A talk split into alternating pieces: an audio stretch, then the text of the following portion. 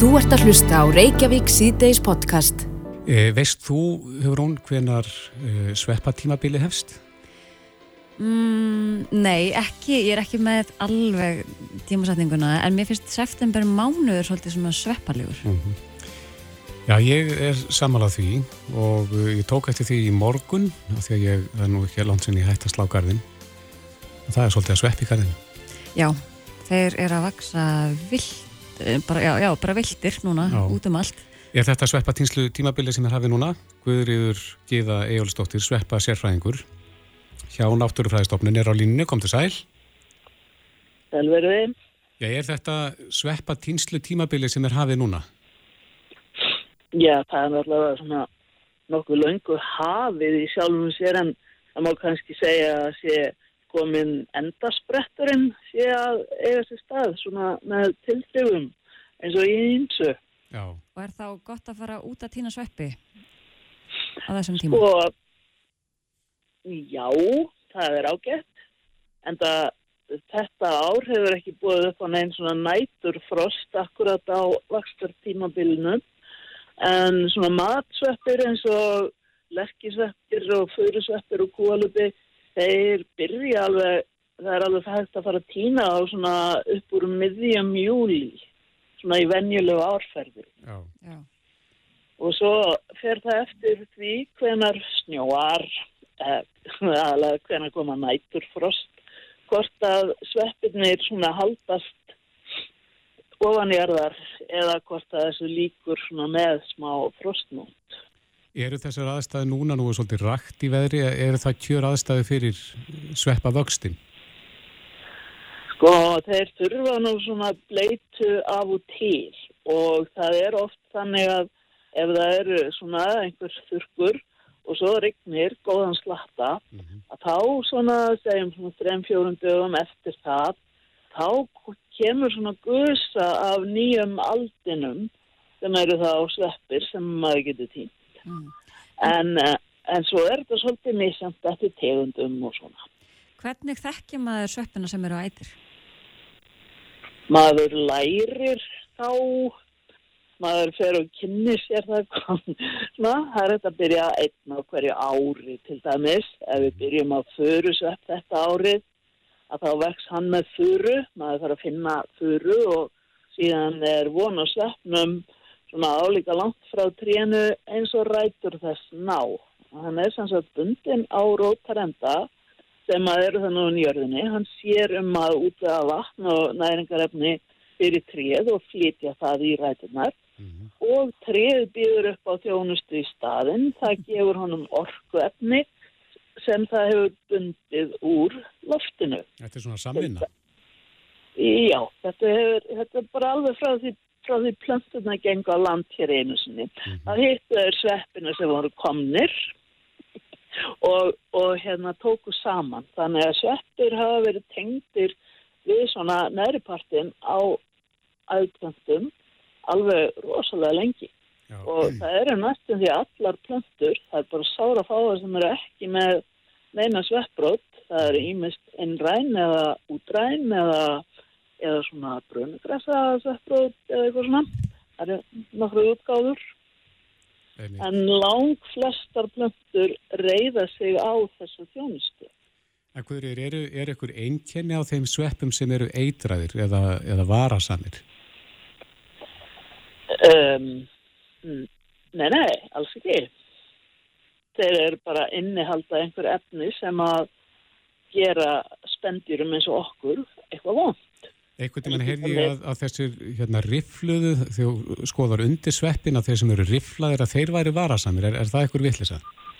Hefur skoðað neðan á flúðasvepp. Mm -hmm. hann, hann er vel riflaður?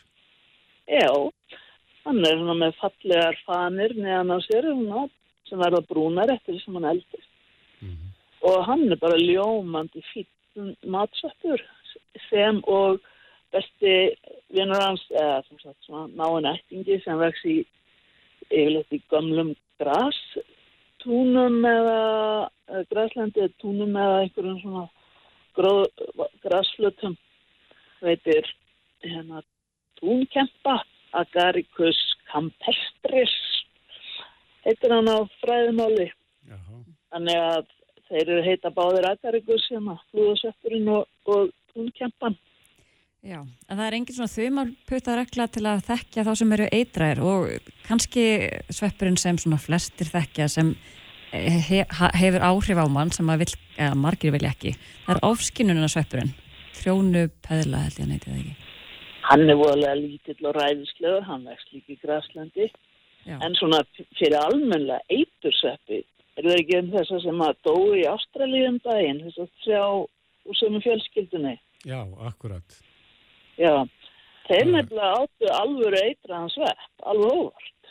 já, Og það, það var svona mjög eitraður frendi berserkjasveppsins, svona amanýta tegund sem að bara inniheldur efni sem að drefur á manni eða kemur í veg fyrir að líkaminn geti búið til nýjar frumur. Þannig að við, hann, hann stoppar próteinmyndun. Hann er svona baneitraður. Já, ég er ekkert að grínast. Mhm. Er eitthvað slíkan að finna hér á landi? Já, einn, all, já, sko, viðarkveif inniheldur þetta sama eitur.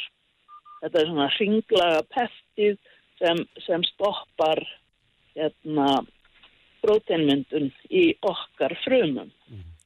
Og þess að betur fer er viðarkveifin, galerína marginata, það er fólk, það eru margir sem nota svona einhver ennsku, ennskumælandi sveppagreiningar upp Mm og þe þar er hún kalluð funeral bell eða jarðarfarar klukkan. Já, á vel við. Yeah, já, já, það er svo leiðis, þetta er alvöru eitur sveppur. En sem er hann algengur? Já, já, hann vext bara í heilmiklu matni sumstaðar í svona viðarkurli í gangstígum og, og, uh, og svona trjábeðum. Mm Þannig að, að hérna, þetta er svona, já, ég get bara sagt svona eina þumalputta reglu í sambandi við eitursveppi. Mhm. Það er ekki sniðugt að geta litla brúna sveppi. Ekki geta Litlir litla brúnir. brúnasveppi. Nei. Þeir eru svona, það eru margir þeirra eru eitraðir og innihalda svona samskonar eitur og er í berserkjasvefnum. Það er að segja múskarinn sem að virkar á ósjálfröða töfukerfið en þeir eru ekki með þetta sem að berserkjasvefurinn er með og virkar á miðtöfukerfið, heilan og svona. Það, það eru þeir ekki með, þeir eru með þetta leiðinlega. Já, en ef maður neytir svona svepps bara fyrir slistni? Já, þá er að hafa sambandi eitrunar miðstöð landsbítalans Já. og hafa með sér upplýsingar um sveppin, kannski eða var einhver afgangur eða var annar eins sveppur það sem hann fannst, taka það með, þá, þá taka þeir, eða þá fæ ég senda mynd með fyrirspurt, en að hvaða sveppur er þetta sem fólkið átt? Mm Mm. Talandi um mynd af sveppum, eh, ég sendi þér mynd fyrir dag af sveppum sem ég fann í mínum garði. Já, Er þetta ekki bara minnlust? Ég, ég reikna með því. Þetta er sem sagt svona sveppur af, úr hópi sveppa, þeir heita Panaeolus, bjallar, eða bjalli á íslensku og þessi heitir sennilega slattubjalli.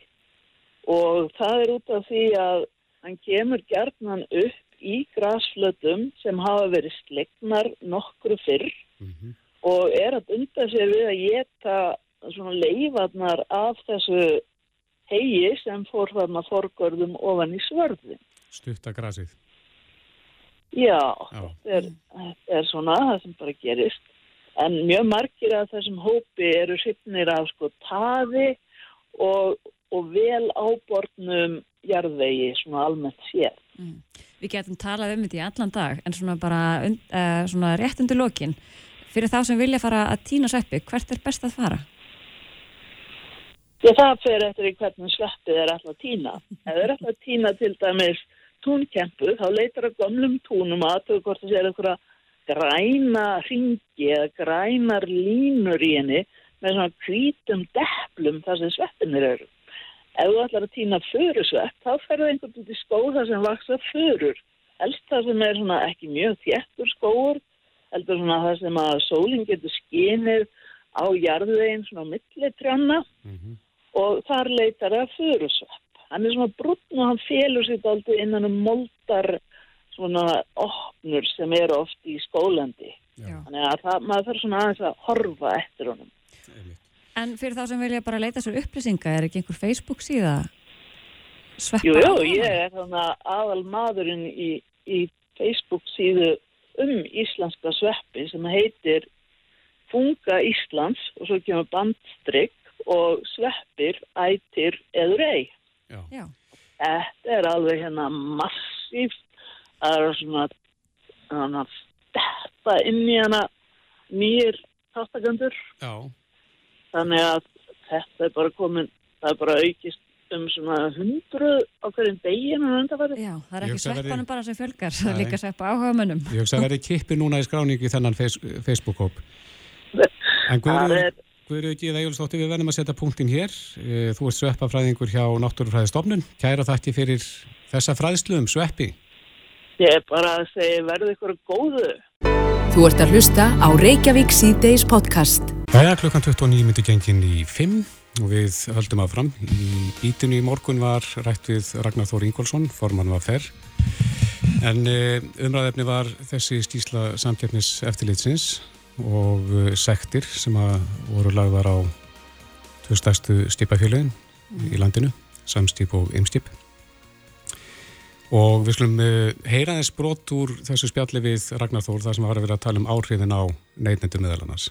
Ef við tökum bara fyrirtækja svo hagar sem að kannski erum upp, ég er svo sem ekki alveg með nákvæma tölur en mögulega upp undir 10% af, af kostnaðverði uh, liggur í flutningum uh, þá hefur þetta áhrif á kostnaðverði til hækkunar uh, það fer síðan beint út í vöruverðið vegna þess að skadi fyrirtækjana er hann er takmarkaðri heldur en skadi neytenda vegna þess að alla tölur sína það að fyrirtækin uh, síðustu ára allavega hafa verið að velta öllum kostnaður auk, auka uh, út í verlag. Við sjáum það á framlega tölum, framlega hlutvöllum og svo framvegis. Þannig að skadinn af þessu samráði er mestur neytenda. Já, sagði Ragnar Þór Ingólfsson, formað vaffer í morgun. Breyti Karlsson, formað neytendarsamtakina, komið til okkar. Velkomin. Ert þú búinn að kynna þér þessa, þessa stíslu? Já, ég hef nú að játa það, ég er ekki búin að lesa allar 3500 blaðsjöðunar Nei. en ég er búin að lesa hérna samantektina sem er eh, 110 blaðsjöður Mhm. þannig að hérna og kynna mér hana nokkuð vel Og þín viðbröð?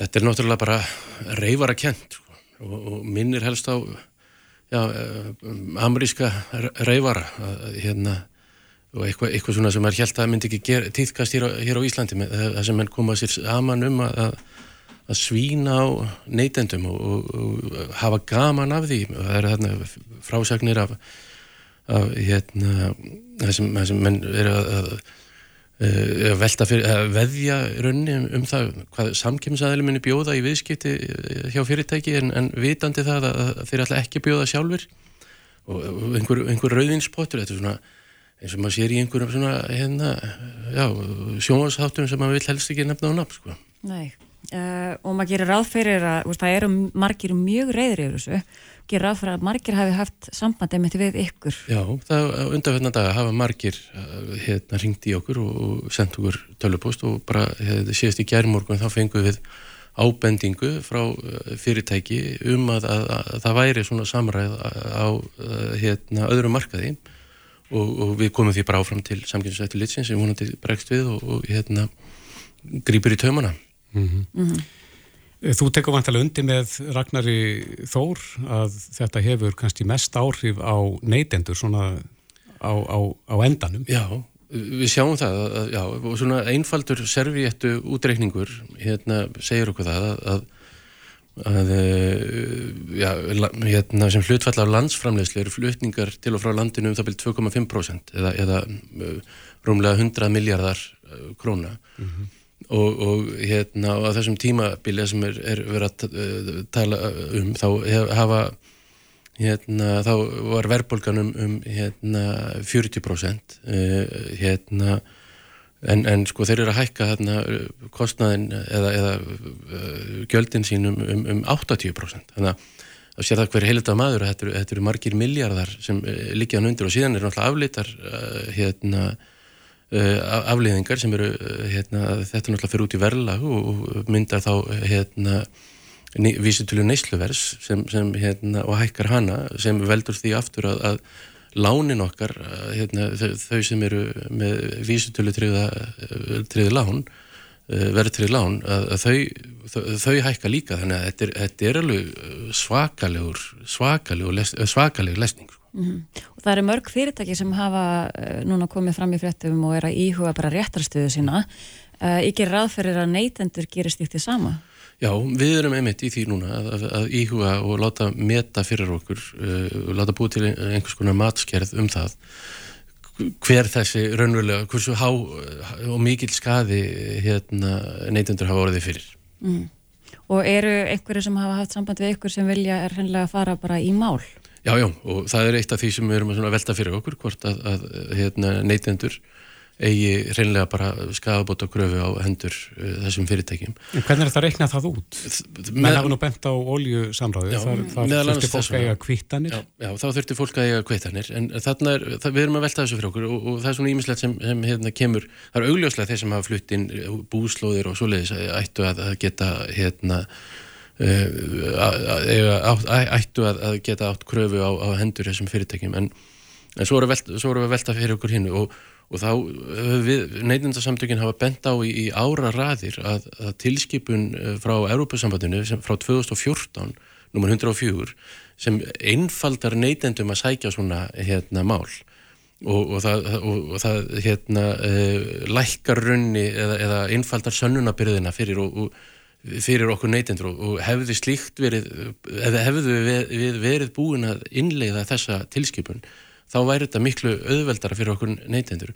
Og að samaskapi þá myndi það líka vera hérna, fælingamáttur í því að, að fyrirtækja, ef þau vita að, að neytendur hafi þennan rétt og geti á einfaldan hátt uh, sótu til uh, greiðslu skadabóta hérna ef, ef, ef verða fyrir samkjömmislagabrótiði þá, þá myndi það vera fælingarmáttur í því mm og þess vegna hvetju við enn á aftur hérna, stjórnvöld til þess að innlega nú þessa tilskipun.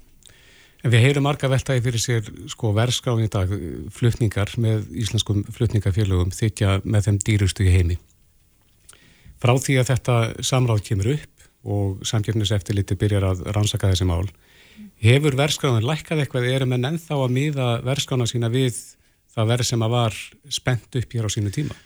Ég hef ekki, því miður, hef ekki eh, hérna gögn til þess að, að, að hérna, að sína það eða, eða, eða af, afsanna, sko, að hérna... Er hægt að finna það út? Já, já, mæntalega væri það hægt og, og náttúrulega við, við kvetjum alla og, og það kemur eh, mér svo fram í, í hérna, eh, hjá samkjömminseftilítun að þau kvetja alla til þess að láta hérna, fyrirtekinu standa fyrir sínu máli að þegar að hérna og, og, og greina sundir verðið uh, í, í flutningum hjá sér þeir sem er að flytja inn til dæmis búslóði eða, eða annað slikt sko. mm. en ég veit það og ég veit það líka að, að, hérna, að hagsmunarsamtök uh, fyrirtækja hérna, eru líka að kanna sína réttastöðu og, kann, og að hérna íta á að, að, að, að hérna, flutningsverð lækinu og, og, og það er ímsar líka tilugur hjá samkjöfnseftilitinu eins og til dæmis að, að opna fyrir frekari samkeppni á, á, hérna, á hafnarmarkaðinum eh, sem á,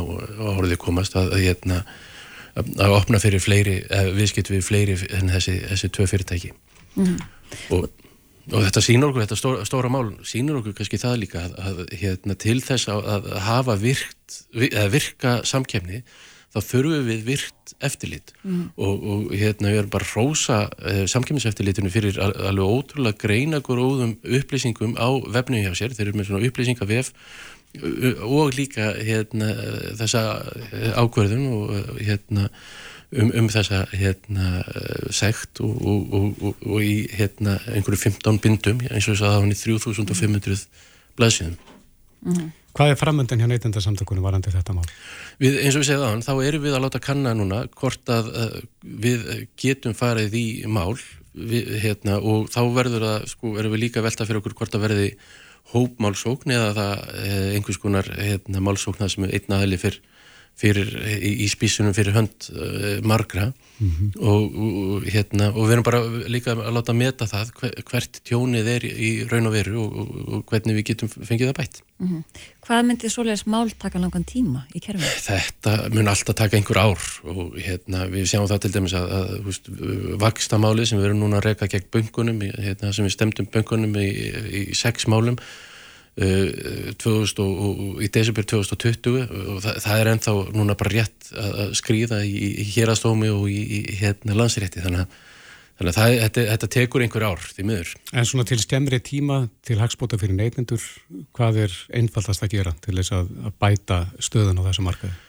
Það er bara að virkja eftirlitið uh, og það er áhugavert að, að hérna, samkjöfniseftirlitið er núna búin að setja ným viðmið í uh, sektargerðum. Og, og, og það er bara samkvæmt Evrópu stöðlum að, að sektir fyrir samkjöfnislagbrot hérna, eru, eru að hækka en það er brot af samkjöfnislögum reyn og klár aðför að okkur neytendum og, og þess vegna verður að taka það mjög alvarlega. Annað sem er líka í þessu máli sem hérna, í fyrsta sinn sem ég allan að veitum er er, eru einstaklingar stjórnendur og starfsmenn uh, fyrirtækjana uh, sóttir til saka og, og þeir eru látnið bera persónulega ábyrð og, og það er mjög mikilvægt. Ég veit að það kemur fram í gögnunum að, að samgefniseftilitið hefur látið uh, hefur vísað þremur málum hérna til hérasaksóknara sem fer með rannsókna á hérna, þeim brotum og, og þar hafa fjórir aðilar réttastöðu uh, segbornings mm -hmm. og, og, það, og og hérna aftur bara hérna á endingu að, að til þess að, að samkeppni virki á Íslandi þá þurfum við virkt eftirlit mm -hmm. Já, og eins og þú segir, þú sagðir aðan hérna fyrir í viðtalinu og það er fyrirtæki sem hafa hatt samband við ykkur uh, um þá meint samræð á öðrum mörgum Já, hvaða marka eru það? Það, það, það kemur, já, ég get ekki tala um það, hérna, það, en við erum búin að koma þessum ábendingum til samkynnseftilítsin sem mun hérna, kanna þetta. Mm. Voru þetta margar ábendingar? Þetta var eina ábending, ábending sem já. okkur barst í gær, en, mm. en hérna, svo höfum við reynda líka, það var frá, frá fyrirtæki, en, en svo höfum við líka fengið svona, já, ávæning um, um, um samráði frá, frá einstaklingum, en, en það var ekki svona reynd og klárt eins og, eins og frá þessu fyrirtæki í gær. Mm. Breki Karlsson, forman neytindarsamtakana. Takk fyrir komuna. Bestu þakki sem leðis. Þetta er Reykjavík C-Days podcast. Reykjavík C-Days, það segir hér í fréttin á vísi.is að Jóhann Berg Guðmundsson, eh, leikmaður íslenska Karla landsleisins í fólkbólta, lagði það til við Katrin Jakobsdóttur fóstættisáþur á Ísland, Íslands í morgun að Ísland þyrti á þjóðarleikvangi líkt og liðið spilar í, á í Luxemburg á morgun að halda hér heima. Mm -hmm. En eh, ég held að þau hefði snætt morgu verið saman í morgun, ég held að það hefði komið fram í, í fréttinni. Já. En það byrtist líka skoðanapistill inn á vísi.is eftir Guðuna Bergson fyrir röndu formann KSI, landslýsmann og fókbólt áhagamann sem er komið til okkar velkomin Guðni. Já takk, komið sæl. Já, þú sért uh, ástæðu til þess að skrifa pistill um uh, þjóðarleikvang sem að vandar. Já, ég svona fann mig knúin til þess að gera það. Ég ljósi svona umræðunar undafarið og og þeirra staðreinda núna að, að okkar félagslið er að gera líka mjög góða hluti og, og, mm -hmm. og það hefur verið breyting á fyrirkomulega Evrópakjapnum þannig að núna eru breyðabliks menn, kallarli breyðabliks að fara að spila hérna á lögutarsvellinum og uh, að vetri til.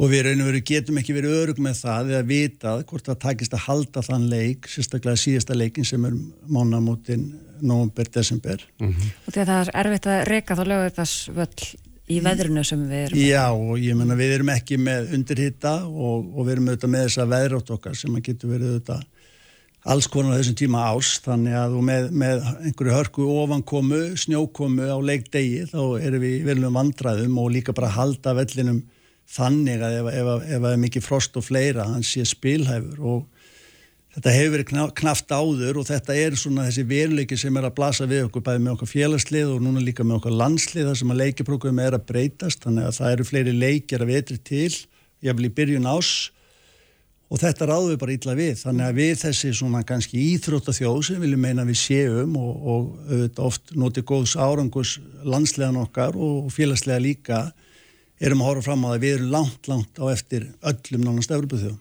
Ég er að skoða hérna inn á KSI, það er alveg glás af landsleikjum frammyndan. Mm. Uh, við tölum um það hérna bara rétt að við fórum í loftið að við eigum tíu landslið í fókbólta, ekki satt? Jú, við erum svona reikum það byrjt tíu landslið, kalla hvenna og unglingarlandslið þar með talin. Mm. Og svo má búast við að allavega með að við gengi bara liðana hérna heima að vera að fara í aerobikefnir. Mm -hmm. Þetta verður alltaf mikilvægur og mikilvægara.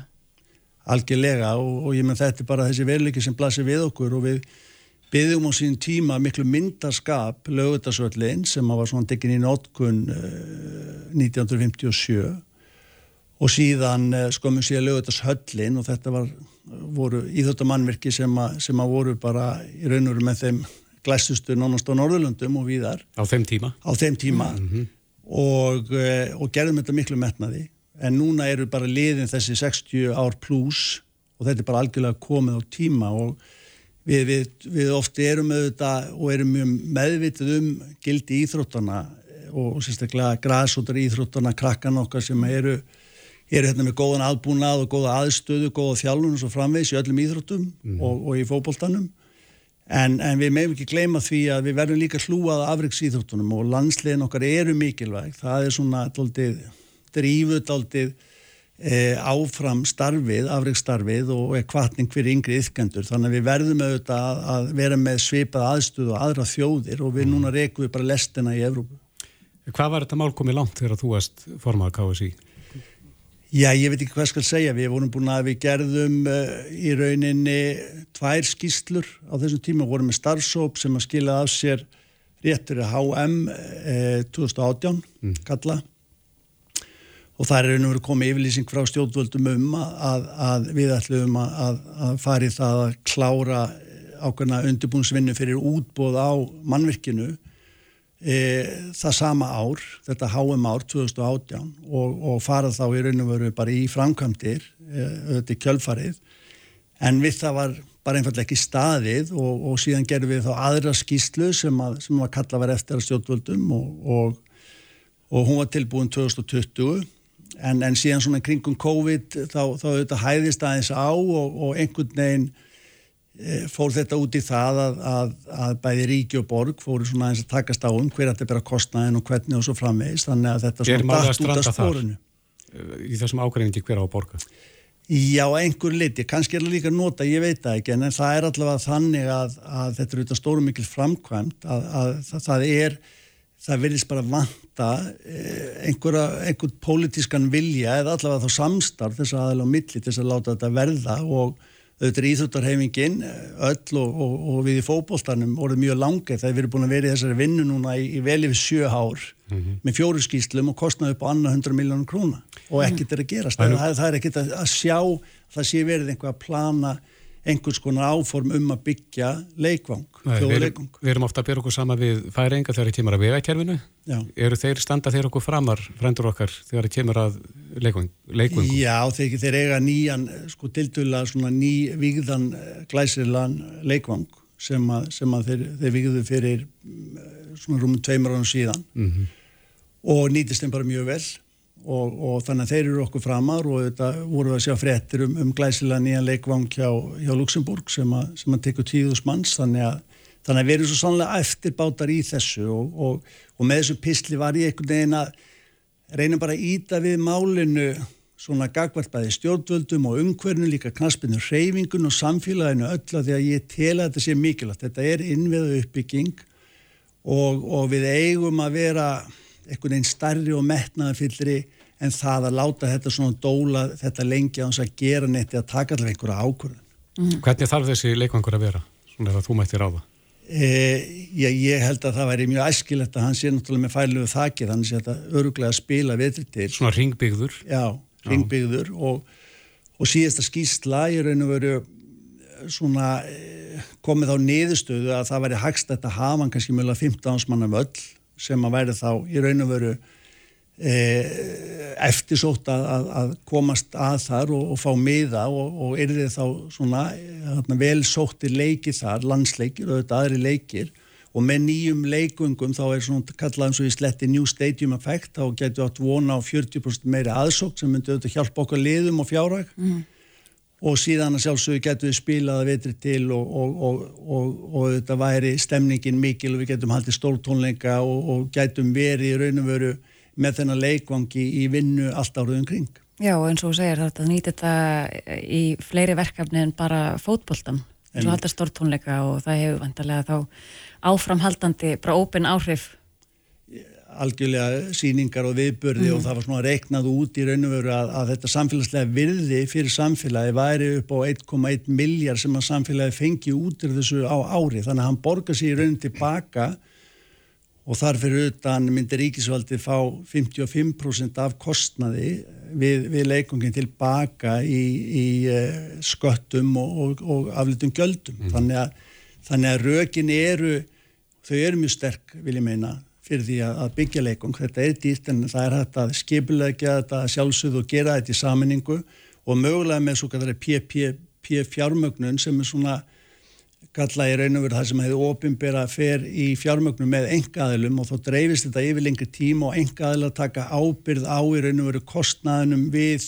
ef mann fyrir fram yfir eitthvað slíkt við byggingu vallarins. Þannig að það er alveg leiðir en það núna þurfum við bara pólitískan vilja mm. og smá svona samtakamátt í samfélaginu einhvern veginn að, að, að gera þetta. Við hefum þína reynslu, hver eru líkunar því að þetta rýsi núna fljótlega?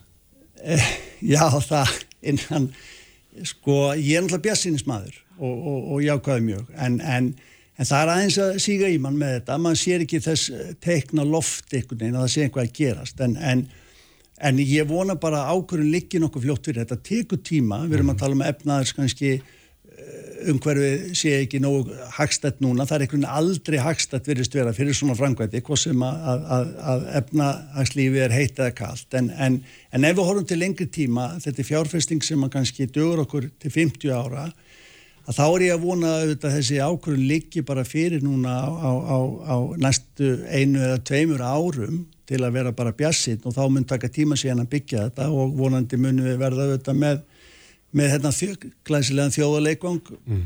innan 5-6 ára. Mm. Er lítilækandi að þurfa að leika heimaleikina úti? Já, ég held að það sé, það bara veit ekki gott og, og við erum þegar í raun og veru að skerða okkur mögulegan á árangur með þessu, við getum ekki byrjað ílakeppnir hérna, hér á heimavelli eða, eða lokið þeim það skerur okkur möguleika, við kannski getum ekki spilað umspilsleiki og svo framvegist þannig að, þannig að það held ég að væri nýlaðindi fyrir okkar e, bara í, e, þessa íþróttu þjóð sem við held ég að séum ef að við þurfum virkilega að fara að leita ásjár hjá frendum okkar í færium eða, eða í Danmarku til að spila okkar heimaleiki. Mm -hmm.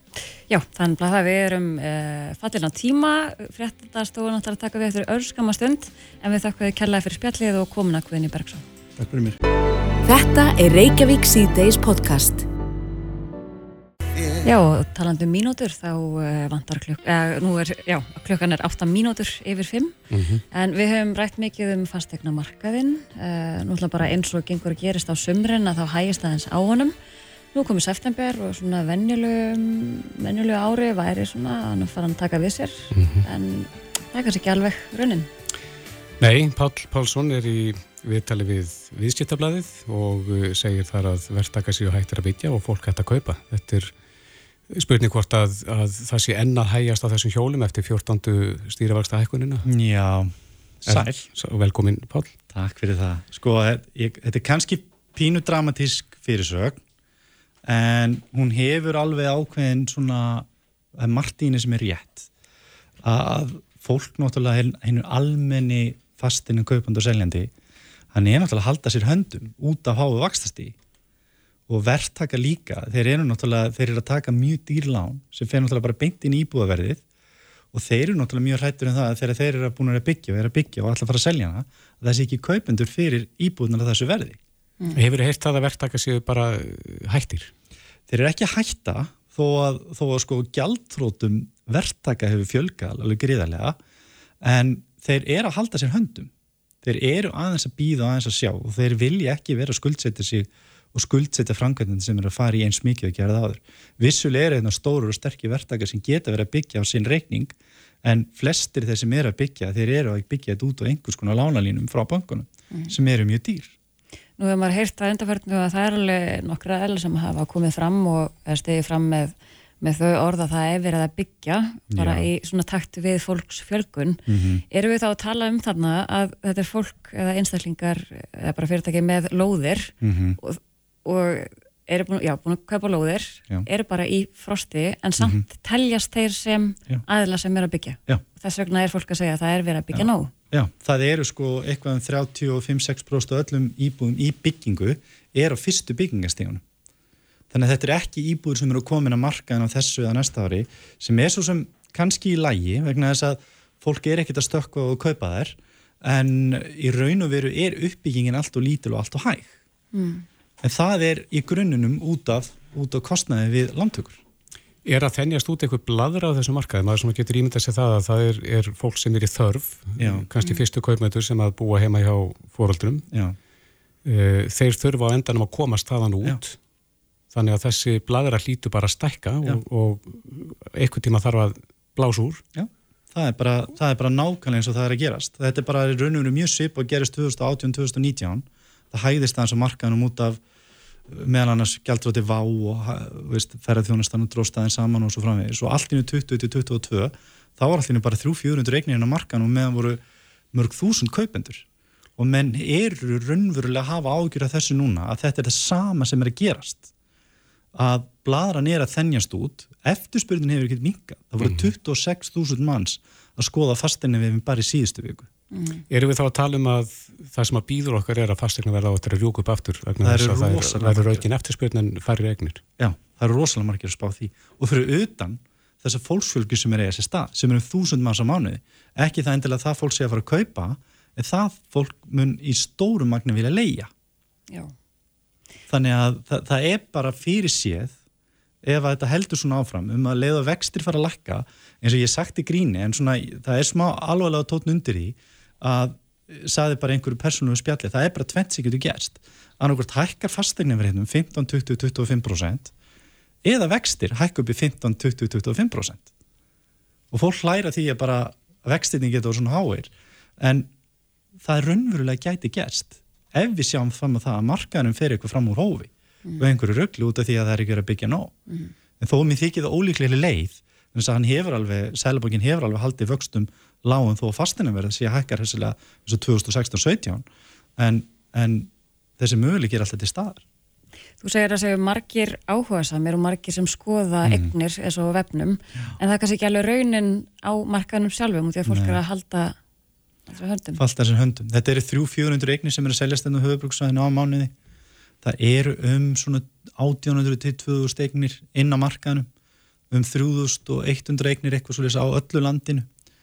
Þannig að, þannig að hlutvöllin, veist, þetta, þetta tekur sko ef að, ef að allir myndu sko, veist, ef að myndi alveg hægt að koma inn á markaðin, það tækir svona fjóra-fimm mánuð að selja lagirinn sem er á markaðinum í dag og raun og veru þeir sem eru að standa í þessu, kaupa og selja, að er raun og veru bara fólk sem raunverulega þarf þess og þú veist, ef þú værir hérna Það er þú að tala um fólk á sem barni, já, eða, já, þú veist, ætti, þyrfti annað herbyggi eða eldra fólk sem býr í stóra einbýlushús og vil minka við sig og, og svo framvegis.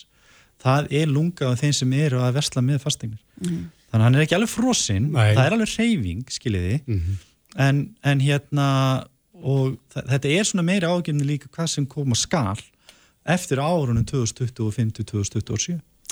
Er það færist í vöxt að fólk sé að losa sig veiknir vegna þess að getur ekki staðið undir eignir? Já, við sáum nú bara fréttin í vikunni eða vikunni eða síðustu vikunni manni hvort það var um aðalega sem vann í lottónu Einmitt. mjög áhugavert og hann setti íbúinu svona sölu að því að hann var að kikna undan skuldunum Mm að því að það raun og verið þessi óvertriðu vextir og til dæmis það er mjög margir bara kringum mig, ég á bæði bróðir og ég á síni sem er íbúður, þar sem er lánin er að hafa hækka gríðarlega auðvitað hveti við þau til þess að reyna að hafa úthald og leggja mér á sig og reyna að ná endum saman. En það eru rosalega margir sem hafa samband og segja bara ok, þú veist, ég verð bara að selja og reyna að komast þér að leigumarkaðin eða eitthvað slíkt. Sem betur fyrir ekki að sjá mikið af vanskilum hefjast eða byrja, við erum búin að vera í heyri bönkunum með það. En, og það er alveg til úrlausnir, fólk fer það bara verðtrykt en verðtrykt því það að fólk er kannski að tapa í fyrir íbúinu sinu á móti Mm. þannig að þetta er aldrei win-win, þetta er bara tap-tap Já. En um eitt draumastaða fyrir þennan sem vann í lottói, þetta er Já. náttúrulega umurleg stað að vera í, en fyrir þá sem einmitt, uh, vilja bara losa sig við sínar egnir í þessu árfæri sem er akkurat núna á Mm. Markaði, það vantarlega gengur ekki vel. sko, flestir af þeim sem eru með þessi lán, það sem hafa hækkað mjög mikið, semst afborgarinnar þessu óvertriðu lán við veitum þetta hljómar alltaf svona þungt þessi frasar allir sko, að, að þeir, þetta er mikið fólk sem kaupir sem er í mestu vandræð með þess að kaupir á þessum 2020 til 2022 og þá var náttúrulega þetta langhagkvæmstu lánin sem núna eru frekar óhagkvæm en bankanir hafa verið bara að hvetja fólk og hvetja fólk að fara yfir í verðri lánum móti til þess að létta af greiðslubilinni. Og en ef þú kýst að selja þá ertu samt mjög ólíklega að þú keiftir að þessum tíma að endi einhverju tapi. Þú er kannski, eins og við sagt einhvern tíman áður, 60 miljónir íbúð fyrir ári síðan, kostar 60 miljónir í dag. Þannig að þú er kannski ekki að tapa en þá er þetta oft spurningum úttalt og ég er bara hvet alla og ég hef hvet mína viðskiptunni sem hafa einmitt tekið þetta þessa umræðum, ekki bara selja, ekki bara leia ekki bara jafnvel flytja til útlanda að þá reynum að freka að finna löst til þess að hafa úttalt, býða af sér svona eins og ákveðin storm En þetta er ákveðin klemmapáll, það er að segja, Mm. hann stækkar hópurinn sem að þarf að komast í eigið húsnæði. mjög Það er svo. ekki verið að byggja. Mhm. Hver er lausnin? einfaldast svarið er að byggja meira og horfa lengra fram í tíman En verðtak að sjá ekki hagi í því eins og er. Nei, þeir vilja halda sér höndum Já. Þannig að eins og staðan er núna, þá vita þær ekki hvort þeir munu selja blokkina sínu sem er búið að kosta kannski 1,5 miljard í byggingu, eða ekki. Nei. Og þeir geta ekkert endilega beðið eftir því og bara kostnarnir við að hanna, kaupa landið, fá samþykki, samþykki fyrir byggingun og svo framvegis. En sérðu eitthvað að lausna þessari klemmu? Sko, um, ég, nú nú ég að fara kannski að segja eitthvað sem að kannski mönnum finnst kannski raunhæft og óraunhæft ekki, skilur. Ég, ég hef verið að svona aðeins að vera benda mér um á það og ég raun og verið hef ekki skilning fyrir því og því ég teka fram, ég er mjög einfaldur fasteinarsali, ég er ekki ekki einhver hérna, hagfræðingur en eitt slíkt, en ég hef ekki fundið mann og ég er búin að spurja týjir manna sem eru miklu klárar en ég bæði hagfræðingar, pólitíkusa og fleira fleira aðala, að af hverju getum við ekki búið til nýtt húsnæðislánakerfi þar sem við búum við bara sam og aðrir í Evróp bara 2, 3, 4% vexti. Og það bara, þá komum menn og segja já, það er út af þessu, það er út af hinu og svo framvegis, en það er enginn sem segir já, ok, það, það er alveg hægt að laga þetta það er alveg hægt að laga hitt og ég segi bara sama tíma og, þú veist, og ég benti til dæmis einum pólitíkus og það að vissuðu það að það er verið að lána pening í dag húsnæðislán á 0% vöxtum. Fólk bara, ha, hver getur fengið svona slán og svona, en þetta kallast hluteldalán Mm -hmm. einhvern veginn fundu menn út úr því að það væri hægt. Mm. auðvitað taka þér ákveðin hlutdeild að hagnaði og svo framvegis og sölu íbúin og svo framvegis. Uh, fyrir nokkunum ára síðan þá voru leiðréttir hérna miljardar og húnna miljardana eftir hrunið muniði, þá var leiðrétting húsnæðarslánum það var sagt að það var ekki hægt að leysa það. Þannig að nú finnst mér tækifæri fyrir pólitíkina, þú veist að ég veit að það þarf, það þarf að skoða þetta sem heldar mynd en ég veit að það er til lausn þar sem við getum búið við eðlilegt gott húsnæðislánakjæri þar sem við erum kannski bara að borga þú veist, við erum að borga 300 krónur á mánuði óvertriða láni og við sjáum kannski 8000 krónur af því fara niður af höfustólum restin fyrir bara einhver gjöld og vexti í raun og verið ætti að vera öfugt Mhm. Þannig að mesta þörfi núna er á nýju húsnæðislánakerfi.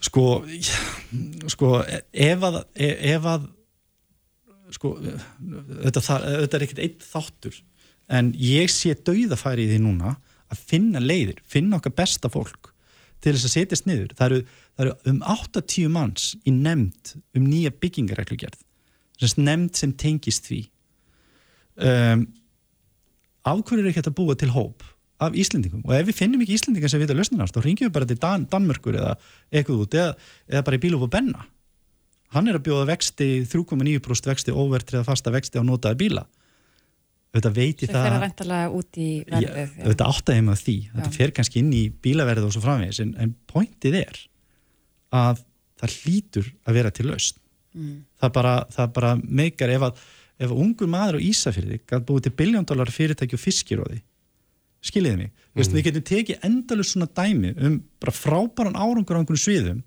og við getum ekki fundið lausn þarna það er bara ég kaupi það ekki Kalla saman okkar besta fólk. Ég meina, verkefliðsfélagin, neytundarsamtökun, allt mm. þetta fólk er með mjög færa hagfræðinga og við hljótum að geta fundið eitt sem veit hvernig það að gera þetta. Pál Pálsson, fasteignarsali, kæra þakki fyrir Takk fyrir mig. Takk. Reykjavík síðdeis á Bilginni podcast. Það segir í fréttina vísi.is að slökkvilið höfuborgarsvæðisins hafi farið í óvinni mörg útgöll vegna elds sem komiður upp vegna raf hlaupahjóla í heimahúsum. Já, uh, mér finnst við tala svo oft um raf hlaupahjól, þetta er mm -hmm. margir snertiflitir þar, Einmitt. en uh, það eru náttúrulega lithium batteri held, ég held að sé að fara með rétt mál í Jú, jú, þessum hjólum passar. sem eru ekki alveg eins og hinn venjulegu batteri það er erfiðar að slökkva eld Mhm. ef hann brist út En er þetta að færast í vöxt að það kvikni þessum tækjum? Aldís Rún Lárusdóttir, sviðstjóri forvarnarsviðs slökkviliðsins á höfuborgarsvæðinu komið til okkar, velkomin. Já, takk. Já, það er talað um í fréttinni þrjú útköll vegna raflaupahjóla. Uh, er þetta að færast í vöxt? Já, það virðist vera að þessum tilfellum sé að fjölga. Mm -hmm. Svo eru auðvitað stundum er, hérna, kemur orsök elds ekki ljóst fyrir með rannsóknmáls en hérna, það eru hérna tilfelli það sem er ábyrrandi að þetta er orsakavaldurinn. mm.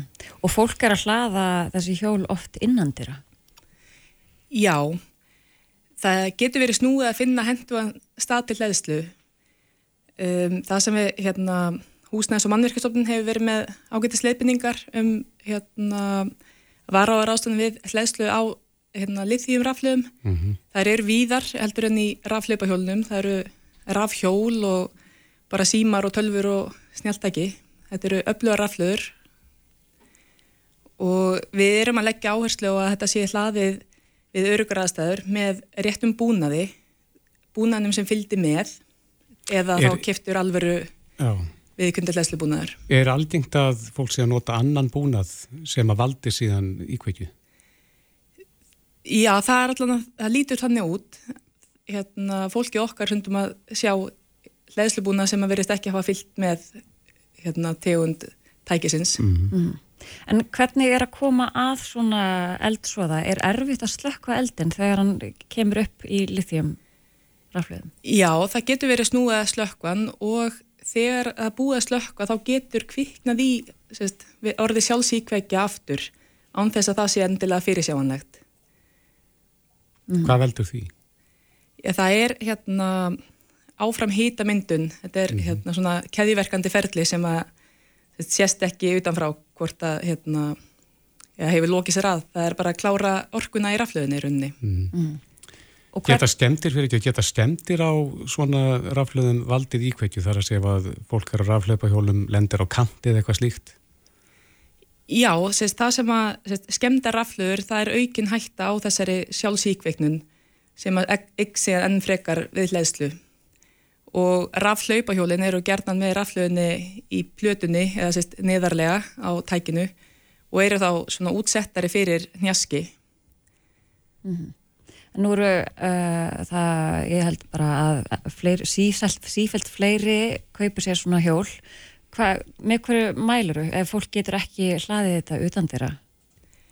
Já, það er að reyna að hafa þetta í hérna, lokuðu rými, helst sér brunahólfi eins og til dæmis hjólagemslu fjölbilshúsa og að gæta þess að það sé reikskinnari í rýminu þannig að nærstattir eigi möguleika á að verða elsinsvar og forða sér.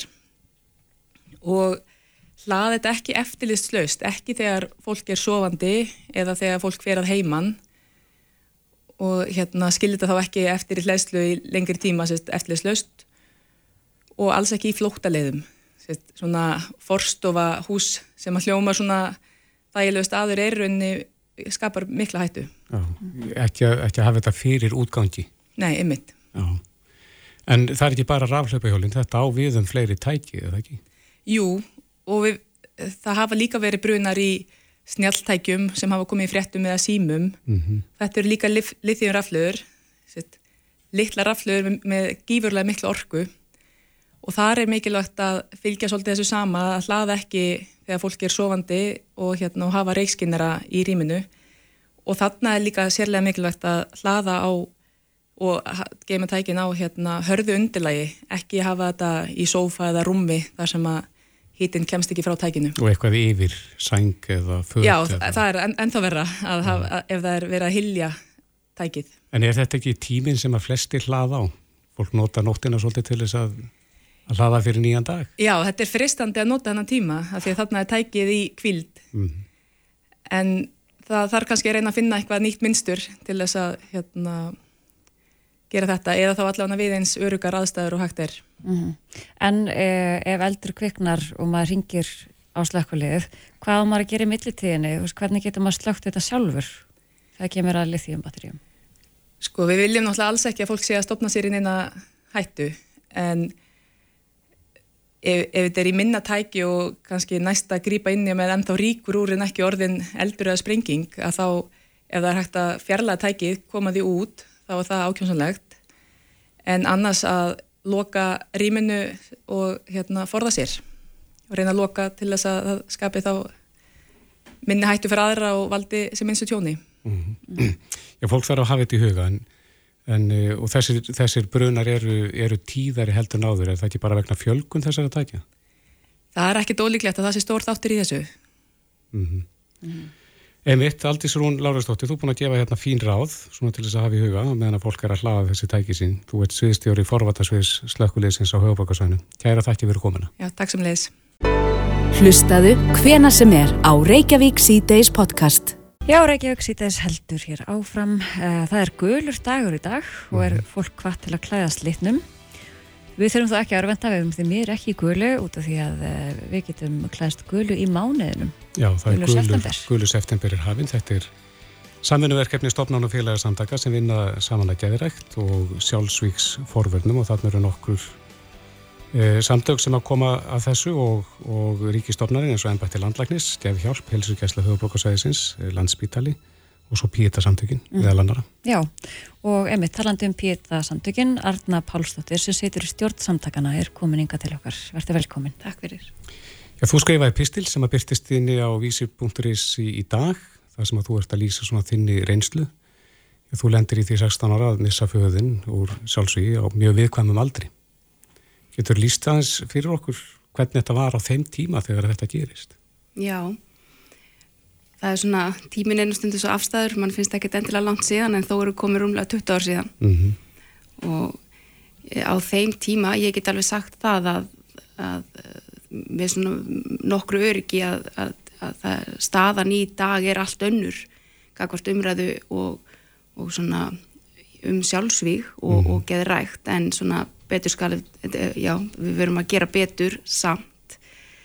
Uh, þegar ég var 16 ára árið 2001, þá var þetta, svona eins og ég fer yfir í pislinum, það er nógu erfitt kannski fyrir úlingstúlku að segja að pappið hennar hafið dáið að, og, og það eitt mm. er erfitt en svona spurningin sem fylgdi oftast eftir, sérstaklega þegar maður er 16 þá ertu umbafinn krökkum sem bara spyrja nú, akkur er dóan? Mm -hmm. Að hún reyndist alltaf mun erfiðari. Og í rauninni ef, ef umræðan einhvern veginn snýra því að ég hef mist pappa minn þá vonaði maður alltaf bara svona innstinni bara svona please, þú veist, ekki spyrja hvernig hann dó. Af því að það er svona sjálfsvík eru, þau eru afskaplega þungbær og þau eru uh, erfið í umræðinu af því að þau eru óþægileg.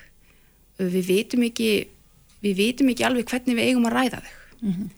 við getum tæklað það að fá upplýsingar um döðsföll, slis sjúkdóma, krabbamein uh, og svona allt sem varða svona líkamlega heilsu. En við eigum afskaplega erfitt með að ná utanum svona hvernig við eigum að bera okkur að þegar sjálfsvík eru hérna til umræðu. Mm. Og það var mikið feimnismál allavega hérna á árum áður. Og var vantarlega hjá öllum, uh, öllum á, fólki á öllum aldri? Já, ég, ég, maður getur auðvitað sagt að, að, að, að aldrun kannski skiptir máli af því að þetta eru auðvitað kynnslóðir og, og menning. Og hvernig uh, menningin oft sem betur fer uh, það verður svona börn eru opnari og oft svona vísitni og, og hérna og opna stundum aðeins svona stækka heiminn okkar. Þannig að eins og þegar ég missi pappa minn að það var gríðalegu munur á því hvernig var rætt uh, í, í mínum kannski vinahópið eða í kringum í því eldri og því eldri sem einstaklingar urðu uh, því erfið er að vara að ræða sjálfsvík og Erfiðra fyrir þá sem eldri Já. voru. Mm. og eins og í mínu tilviki þá uh, var í raunin ekki einu sinni sátt bara innan, innan fjölskyldunar, svona stórfjölskyldunar hvernig skildi ræða þetta og sem við vildum bara tala um þetta hafi verið slis af því að það fylgdi hinu hitt var neikvætt þetta var ekki bara eins og uh, andlátt eftir veikindi sem sjálfsvígi er uh, heldur var þetta eitthvað sem ætti að skamma sín fyrir og þetta svona og þegar, þegar staðan er komin upp staðan er þannig að einhverju að skamma sín fyrir eitthvað þá er auðvitað niðurstaðan svo að einhver byrja ábyrð á því Mm. og það var svona það var erfitt og, og lengi vel var það erfitt af því að ég man á þessum tíma, ég er, ég er kannski bara 16 ára en ofta með, á þessum aldri þú ert svolítið rebell og vilt svona ég man að ég, mér fannst skipta rosalega miklu máli að það væri mjög skýrt hvernig pappi dó uh, og ég man að ég skrifa nú minningagrein á sín tíma og ég ma man að ég lagði mig fram við það, það myndi koma fram þar Af hverju? af hverju lagði- hann dó Af hverju, hverju varst á þessari skoðun? af því að ég sá ekki tilbyrn til að skammast að við ættum að skammast okkar fyrir þetta. Mm og, og ég vildi Varstu reið? Eh, nei, ég var, ég var aldrei reið. Aldrei reið út í pappa minn. Mm ekki frekar en ég eh, gæti orðið reið við einhvern sem myndi degja úr krabbamenni Eh, það er auðvitað þannig. Sjálfsvík koma sjaldnast þó, þó svo vissulega að það séu tilvík um slíkt þú komast sjaldnast svona hérna uh, hvað verður að segja án þess að það sé aðdragandi. Mhm. aðdragandin er auðvitað ekki sá að, að ættingir aðrir eiga að sjá fyrir hvað myndi gerast, það er auðvitað ekki þannig. Sjálfsvíði sjálft er áfall.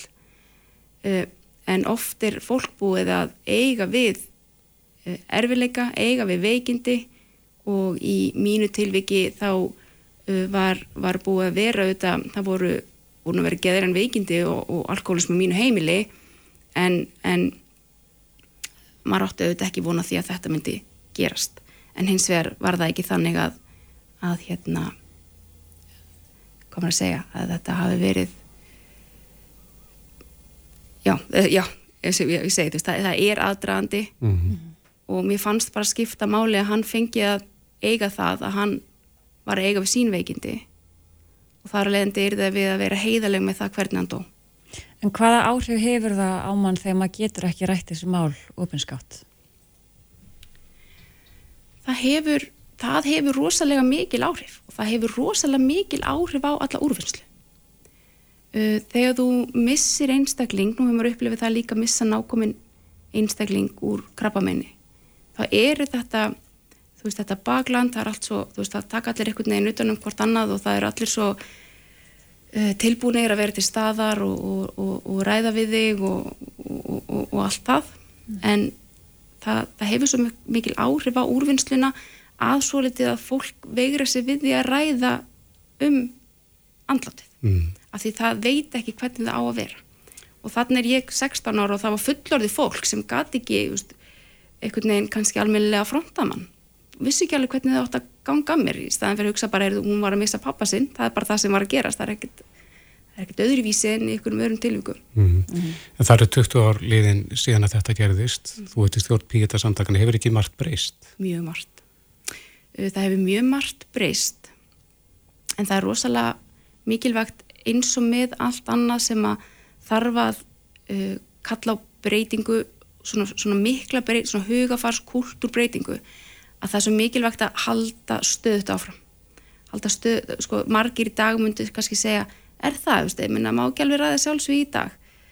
Uh, jú, það má auðvitað, fólk er orðið mun færari í að ræða sjálfsvíg en það er samt það sem maður þarf að hugsa er að við verðum að halda því einhvern veginn start og stöðut áfram að því við þurfum að gera hana umræðuna bara eðlilega að þetta sé sko heilbriðismál að, sé, að það sé ekki sko einhvern veginn öll andlátt séu heilbriðismál nema sjálfsög einhvern veginn út- fyrir utan sviga. Að það þarf að koma þessu inn í umræðinu um heilbriðismál og auðvitað bara eins og geð heilbriðismál almennt að þarf að koma henni undir þennan sama hatt. Að það sé ekki þegar einhver deyr uh, úr krabbameini þá er engin að gefa sér einhverjar ástæður eða forsendur, þú veist, viðkomandi bara lést úr krabbameini og það getur verið, þú getur fengið alls konar krabbamein, það getur verið alls konar aðdraðandi tími frá greiningu þar til viðkomandi lætu lífið alls konar. Það sama á við um sjálfsvík.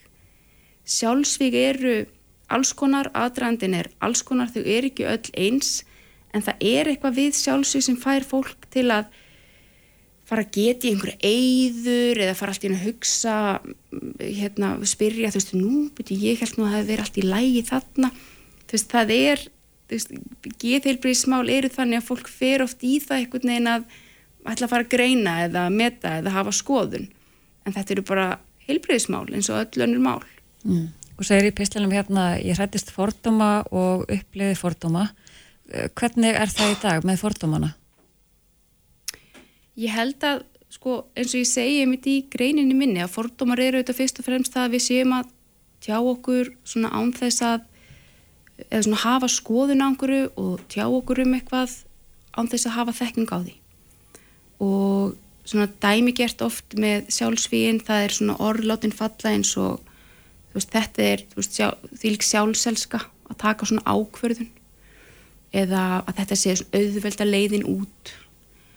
Og þetta eru þetta ég, ég, ég myndi aldrei sárna að heyra svona því ég veit að viðkomandi ef einhver segir svona þá hefur viðkomandi enga reynslu eða einhverja nálagð við uh, málaflokkin mm -hmm.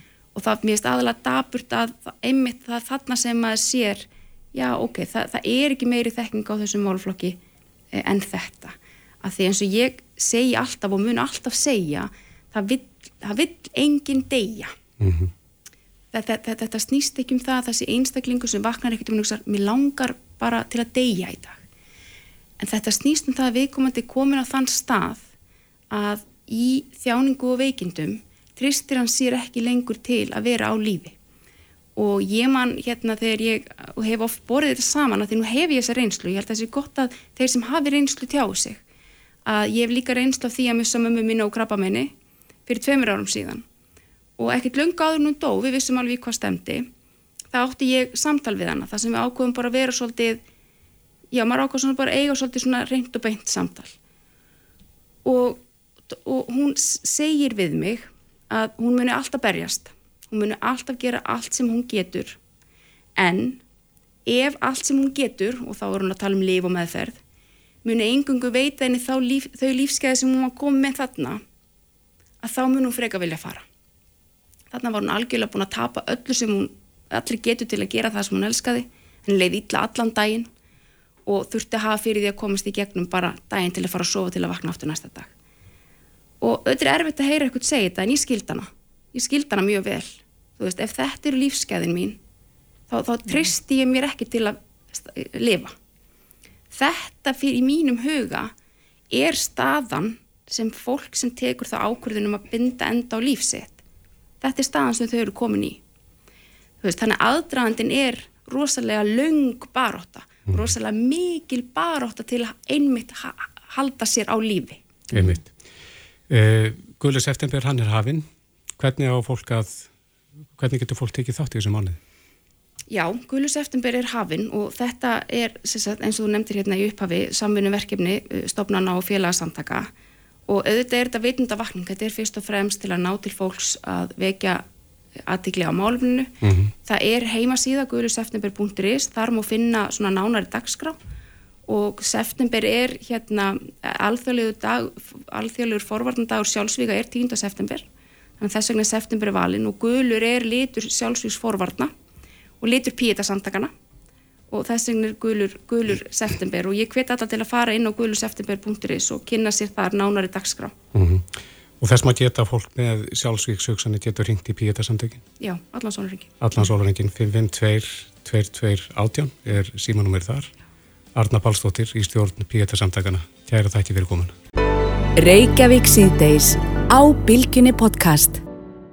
Við landkrabarni verðum varir við það að þegar að skemmtifærðarskipunum fjölgar gjarnan á haustugum, ég veit ekki hvort þetta er bara tilfinning mín þá þramma í land já, ég vil segja þúsundir manna og, og, og fara eitthvað inn í land Guldfors, Geysir, við verðum að tala um Reykjavík og, eða, eða, eða hvernig sem það, það er. En eitt er víst að, að umsvið í höfnum eins og Reykjavíkur höfn eru gríðarleg orðin og, og, og framundan er mikið um reform á alls konar af alls konar tegundum tekninar og, og svo framvegis og, og, og þeim er þetta á þetta að fjölga yngað skemmt að vera skipanum svo við höldum okkur við þau. Uh, Gunnar Tryggvason er hafnastjóri fagsaflóa hafna uh, það það gríðilega mikil, mikil undiralda, það er mikil að gerast í, í hafnarmálum út af ymsu Já, já, uh, meðal annars þessu. Þetta er okkar þessi geiri sem nefnir sem skemmt að vera skipin er orðin við getum sagt næstæsti geirin sem við þjónustum hérna í fagsálahöfnum á eftir vöruflutningum sem er ennþá okkar stæsti Uh, hann hefur svona undanferðna árum tekið fram úr sjáarótvegi sem, sem viðskiptavinnur sko. En hann er, eins og þú segir sko hann er, hann er söflugjendur eða það er að segja hann er, þetta er vertíð, þetta er sumarvertíð. Mm. og, og við erum alveg meðvöldum það að er fjárfestingar sem við förum í vegna þess að gera nýtast bara hlut á rárið þess vegna eru við svona já uh, förum við í svona varlega í þær skulum segja Ég kallaði þetta landgöngudagurinn af því að þannig virkaði ámann þegar maður sá allt í ja, heilan her manna hérna og þaðan garinlega úr, úr veröldinni sem að þrömmuði hér um götur og stræti og, og, og rútubílaraðirnar út úr bænum og inn þetta var svona, já, má ég kalla þetta landgöngudag? Jújú, allir það sé ekki bara ágætið snabbt það eru, sagt, það eru í dag fimm skip eh, inni, það með skilst fjögur í, í sundahöfn eða þrjú í sundahöfn og, og, og, og það fjórða hér í gamlehöfninni þar sem við erum núna. Og svo, svo býður eitt fyrir utan eftir að, að skip fari frá, úr, úr, úr sundahöfninni. Eh, við sko þessi, í, það eru þá 8000 mest telst til að það eru sko farþegar rými þessi skipin fyrir 8400 manns. Mm. Sem er stór dagur jú Eh, líklega ekki, ekki svo staðisti að í, í júli hafi verið dagur með það sem að farþegarnir voru 9000 manns ég segi farþegar rýma þegar við veitum ekki hversu vel nýttu eru það kemur, svo tala kemur eftir á til okkar mm, mm. en það er, það er mikið 8500 manns Já. Ég hef heyrti segja frá því eða hafa orð á því í fjölmjölum að að, að ég ráði sé að hafa meira út úr þessum umsviðum hér er lúta að ferðamannum og skemmtiverðarskipunum?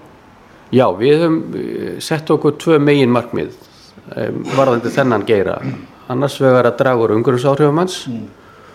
og hins vegar að hafa meiri beinar tekjur af honum per farþega, mm. per komu og, og ein leiðin til þess hefur verið svo að, að að sækjast frekar eftir skipum sem að vilja stunda farþegarskipti mm -hmm. og þá koma farþegarnir hinga fljúandi með töskuna sínar og fara um borð. Og þeir sem að eh, komu, eh, koma frá borði með töskuna sínum fljúa heim. Og þá fara þessi farþegarskipti fram hér. Og til þess að geta gert þetta alveg þá þarf aðstöðu, þá þarf svona lítla flugstöð þar sem að fyrir fram vopna leitt og þess að þar og, eh, og hérna og við erum að gera þetta í dag í tjöldum nýru Skarabakka mm. og þetta gengur alveg bara bísna vel og við erum svona að taka ákvörðunum það uh, líklegast að, að byggja utanum þetta nýja nýtt hús mm. nýja, nýja farþegarmiðstöð, litla flugstöð nýru, nýru bakka mm. Og þetta er í, þetta er í farvatninu? Já, já Við vantarlega sko, við vorum með, uh, erum búin að velja hönnun á slíku húsi eftir, eftir samkjöfni og eru núna í uh, samningaviðurum við verktaka mm -hmm. eh, Getur Reykjavíkur lengi tekið við? Eh, nei eh, allir við getum ekki sagt að yfir sumarmánuðina að þá erum við nánast upp bókuð og, eh, og höfum ekkert í hyggju að bæta eh, að fara lengi hafnabakka vegna þessa finnst ég að fögnum við því að geta nýtt þá sem fyrir eru byttur mm. og við höfum svona við, við, hérna, við höfum sko, verið jákvæð gagvart því að lengja vertiðina bæði bæði axleirnar eins og fólki ferða þjónustu kallar þetta, þetta tímanbils annars vegar apríl og hins vegar oktober en, en við, við, erum líka meðvituð um það að, að þá geta viður verið válind og, á öryggisástöðum viljum við ekki tegja okkur mjög langt inn á axleirnar svo kallar mm. Gunnar, en ég get ekki látið hjá líða að, að spyrja því vegna þess að menn sjá oft bláa slíkju eða ég veit ekki hvernig hún er á litin en, en það er náttúrulega mengun af þessum stóru útblæstir þessar stóru verkværa sem að skemmtifæraskipin eru að hluta til. E, og talað hefur verið um hvað að, að geta fóðrað þessi ferlíki á, á, á rafmagni Já, já, þetta, þetta er rétt, þetta er viðfóðsefnu okkar að draga úr þessu, það kemur mingun upp um uh, pústrurinn á þessu skipum. Og, og þetta eru efni eins og, og brennisteinn og, og nitróksið sem eru alls ekki góð fyrir okkur. Mm. og uh, það er ímst að leiði til að draga úr þessu. Uh, það er hægt að gera bara, bara snöglega hægt að breytum ólíu og brenna betri ólíu sem dregur úr, úr hérna úr einhverjum af þessum efnum. En besta lausnin og fram, frambúðar, lausnin til frambúðar er að menn drepi alveg á velónum þegar þeir eru komið land. Og land tekið nótið ramagn og landi. Og við erum á fullu í því að við landtengdum erum farin að landtengja með eimskip eh, stæðstu flutningarskip landsins sem að leggja að sundabakka. Og eh, eru núna vantarlega bara í þar næstu viku að výja fyrsta landteki búna fyrir skemmtöfverðskip en það eru bara litlu skipin í gömluhöfninni og næsta verkefni er þá eh, sem er eh, þá með veitum í, í, á Skarafpakka í Sundahöfns Gunnar ég veit að, að, að má, stór málið í, í dag hafskip, eimskip og, og, allt það sem er komið í háalátt í þeim öfnum eh, ég ætla ekki að ræða það núna ég, ég er ekki færum til þess við þig. En, en en hins vegar eh, kom eitt atriðið fram hjá Ólafi Stefansson eh, hjá félagi atvinnureikenda um að, að eh, það sem að réði ákveðinni atbyrðar ás í þessum öfnum hafi verið aðstöð, aðstafa í höfnum. Ég, ég, ég hérna skilir þetta ekki nema til háls. En, en hvað viltu segja um það? Er, er hægt að bæta aðstöðu Uh, stóru vöruflutningarskipana og, og, og, og þess umsvifa sem að þau þurfa. Já, já, ábendingin hjá Ólafi Steffensen er alveg hárétt og, eh, eins og kemur fram í, í skýslu samkynnseftleysins að að hafa fagsaflóhafnir hlutverki að gegna til þess að fó, fóstra samkeppni það er ekki víst að það takist að búa hana til eða neitt slíkt og það er ekki okkar hlutverk. Mm. en við lítum þannig á að okkar hlutverk sé að búa til aðstöðu fyrir samkjöfnina mm. hvort sem hún komi eða ekki. Og eins og sko aðstæðan er í sundahöfnum dag sem er sögulegar ástæði fyrir því það eru tvei skipafölög uh, sem eru, eru með uh, sína aðstöðu hvort, hvort fyrir sig og, og uh, kannski erfitt fyrir nýja aðila að koma stað, við gerum okkur fullakarinn fyrir þessu og höfum stíði skref til þess að móta nýja stefnu í þessum málum mm -hmm. sem að uh, vitna er til í þessari skýslu samkvæmdinsheflinsins og Ólafur hefur líka gert og vitna mm -hmm. til og, og, og, hérna, og það er stefna sem að okkur hugnastaldi uh, eh, það er lagt, uh, eru tillögur mm -hmm. hjá þessu rákjærafyrirtæki okkar drúri sem okkur hugnast að, að, að fylgja og ætti að bæ, bæta úr aðstöðu fyrir þrýði aðeila Gunnar, þú út frá Ísafjörði, þú þekkir náttúrulega öfnina þar og, og ég segi, það, það eru víða, það, það er orðið mikil umsvið þar. Eh, þessar samgöngumiðstöðar sem að hafnindar eru í dag og er að verða enn meiri, eh, sér þetta ekki verða að enn meiri þungamið í, í, í, í samskiptum, við verum samskiptum farþegar, hvað, hvað sem nöfnum tjára nöfna? Jú, jú, jú, jú, Ísafjörður er alveg frábært dæmið þessu en það sko að á mínum æsku árum heima þá, þá var ekki mikið um ferðamann. Nei. en núna kemur maður heim og, og Ísafjörð og, og hérna og ef ekki segja bara fjörði hverju maður er heimamaður á, á göttunum eh, kannski full mikið finnst sumum. En þetta er náttúrulega breyting sem að flestir, flestir fagna held ég. Mm.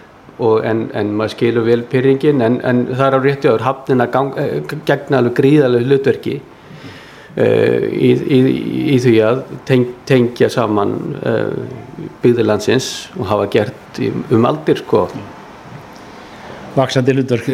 Gunnar Tryggvason, hafnastjóri Faxaflóhafna við getum lengi rætt þessar samgöngum viðstöðar en við erum hér í, í skrifstofu hafnastjóra og, og horfum út á höfnina, það er nú ekki margt skipaka, jú, í, höfnina en, en þetta allt þetta er að taka gríðalegum breytingum áður en langt um líður. Takk fyrir. Takk að þér. Reykjavík síðdeis á Bilginni podcast.